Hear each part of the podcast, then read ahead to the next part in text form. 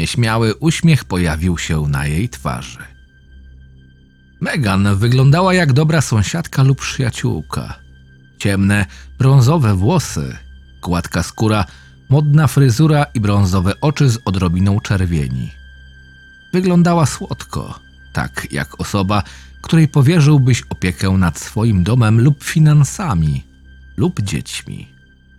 Przez prawie 8 lat była nauczycielką w szkole podstawowej. To dziwne, że nikt niczego nie zauważył. Ktoś, policja, inni nauczyciele, czy w końcu rodzice. Powinni zauważyć to o wiele wcześniej, ale nikt nigdy nie podejrzewał Megan. Są takie słodkie. Lubię bawić się z dziećmi lub po prostu wpatrywać się w nie. Zawsze kochałam dzieci. Szczęście zniknęło z jej oczu. Zawsze chciałam mieć swoje. Nie wiem, czemu to przydarzyło się akurat mnie. Megan nie mogła mieć dzieci. Powiedziała mi, że przez to nawet opuściła swojego męża. Oskarżała go o ich bezdzietność. Krzyczałam na niego i obrażałam, tak strasznie chciałam mieć dziecko. Spojrzała na mnie. Nawet nie podnosił na mnie głosu, starał się dyskutować, ale ja przez to zwariowałam. Więc wyprowadził się, a potem wzięliśmy rozwód. To zerwanie było największą pomyłką mojego życia. Wiem, że bardzo mnie kochał, a ja naprawdę kochałam jego, ale dobrze przeszłam przez ten rozwód. Tak strasznie chciałam mieć dzieci. Kilka miesięcy po rozwodzie Megan odkryła, że jest bezpłodna. I wtedy odkryła również, że rozwód odebrał jej szansę na bycie rodzicem adopcyjnym. Nie rozumiem, dlaczego to zrobili, dlaczego z nim zerwałam. Czemu nie zrobiłam testów wcześniej? Po rozwodzie praca stała się dla Megan wszystkim. Wśród pracowników szkoły i rodziców była znana jako najbardziej oddana i zapalczywa nauczycielka. Nawet dzieci z klas innych nauczycielek przemieniały się w małe aniołki, kiedy Megan była z nimi w sali lub na szkolnej wycieczce. Było tylko jedno dziecko, które jej nie lubiło. Chłopiec o imieniu Tom, pochodzący z ciężkiej rodziny. Jego matka była podobna do Megan i to jego matka była tą, która codziennie go biła. Nie chciałam go skrzywdzić, naprawdę nie chciałam, chciałam mu pomóc. Wezwałam nawet pracowników opieki społecznej, ale w czasie sprawdzania domu i rozmowy z Tomem wszystko wydawało się być w normie. Łzy płynęły po jej twarzy. Naprawdę chciałam mu pomóc, musisz w to uwierzyć. Zabrałam go do domu, żeby bronić go przed jego matką. Ale zaczął krzyczeć i hałasować, chciał wrócić do domu. Niezależnie od tego, ile prezentów mu dawałam lub ile razy próbowałam go przytulić, on po prostu mnie nie lubił i cały czas krzyczał. Tom mieszkał z Megan przez dwa tygodnie, przynajmniej według tego, co mi wyznała. Codziennie coraz bardziej hałasował. W końcu moja sąsiadka zapukała do drzwi, a ja wiedziałam, że to przez Toma. Nie mogłam pozwolić na to, żeby go zobaczyła. W całym mieście wisiały plakaty informujące o jego zaginięciu, rozpoznałaby go. Po prostu chciałam, żeby był cicho. Dlatego zatkałam mu usta. Udusił się. Wszyscy to wiemy. Nie chciałam go skrzywdzić, naprawdę nie chciałam. Nigdy nie czułam się tak źle.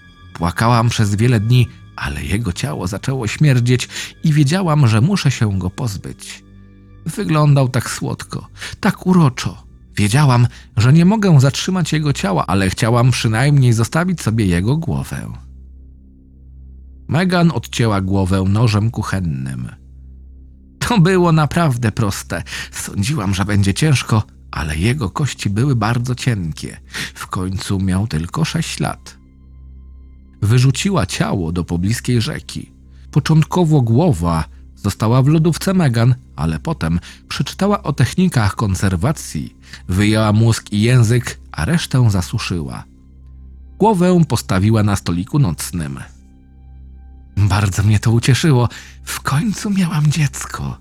Zawsze wiedziałam, że pewnego dnia będę je mieć, a teraz miałam Toma. Codziennie jadaliśmy razem obiad, a potem oglądaliśmy telewizję. Ale ledwie miałam przyjaciół, odkąd był ze mną Tom. Nie chciałam, żeby o mnie źle pomyśleli. Po pół roku Megan zadecydowała, że chce mieć również córeczkę. Mavis była jedną z ulubionych uczennic Megan, dobrze wychowana i zawsze szczęśliwa. Pomyślałam, że Tomowi przydałby się ktoś do wspólnej zabawy, a Mavis była idealna. Nie mieszkała daleko od szkoły i zawsze wracała pieszo, więc zaproponowałam jej, że podwiozą ją do domu. Mavis płakała, gdy dojeżdżały do domu Megan. Powiedziałam jej, że jej mama przyjdzie po nią niedługo. Wtedy się uspokoiła. Powtarzałam jej to przez następne dni, ale wciąż pytała o mamę, więc powiedziałam, że jej mama nie żyje. Ale mimo tego, że Mavis była lepiej wychowana niż Tom, jak określiła to Megan, to nie przestawała pytać o to, czy może wrócić do domu, zobaczyć babcię lub mamę. Powiedziałam jej, że oni wszyscy nie żyją, ale mi nie wierzyła. Wkrótce też zaczęła hałasować. Dobrze ją karmiłam, bawiłam się z nią każdego wieczoru, ale ona była niewdzięczna. A kiedy zapoznałam ją z jej bratem, zaczęła krzyczeć i próbowała uciec, ale ją złapałam.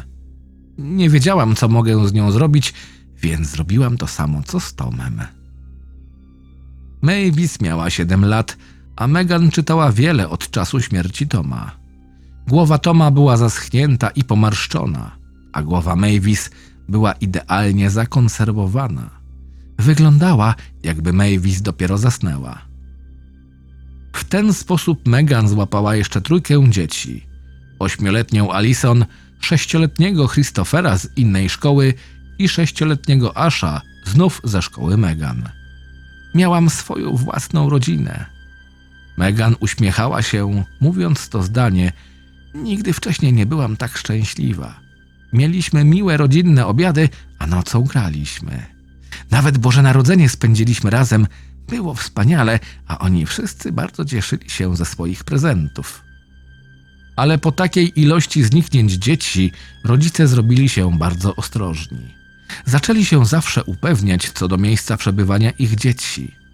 Wszystkie dzieci były ostrzegane przez rodziców i nauczycieli, nawet przez Megan, aby nie iść z nieznajomymi, a odkąd liczba zaginięć sugerowała, że w sprawę zamieszany jest ktoś ze szkoły, nawet z osobami, które znają. Kiedy Megan porywała Amandę, nie spodziewała się, że zostanie złapana. Wszystko zaplanowałam. Wiedziałam, że Amanda mi ufa, a kiedy spytałam resztę dzieci, przyznały mi, że Amanda będzie świetnie pasować do naszej rodziny. Powiedziałam jej więc, że jej mama poprosiła mnie o podwiezienie do domu. Megan zawiozła Amandę do swojego domu na przedmieściach. Powiedziała Amandzie, żeby się tu pobawiła, a jej mama odbierze ją później. Później Megan robiła obiad dla rodziny. Nie wiedziała tylko, że Amanda miała komórkę. A dzięki temu Amanda wysłała do mamy SMS-a. Hej, mamo, nauczycielka ma dużo zabawek. Fajnie jest tutaj. Mogę zostać na noc? Policja przyjechała akurat, gdy Megan podawała obiad. Zaaresztowali ją już w drzwiach. Później weszli do domu. Wtedy zobaczyli stół jadalny. Duży, okrągły, drewniany stół z siedmioma talerzami. Amanda siedziała na jednym końcu stołu, przywiązana do krzesła, cała zapłakana. Na drugim końcu stołu było jedno puste krzesło. Po bokach, z lewej i prawej strony Amandy, było pięć dziecięcych krzeseł, a na każdym obcięta głowa. Kiedy spytałam Megan, dlaczego zrobiła to wszystko, odpowiedź była krótka. Zawsze chciałam mieć swoją rodzinę. Nieśmiały uśmiech pojawił się na jej twarzy. Po prostu lubię dzieci.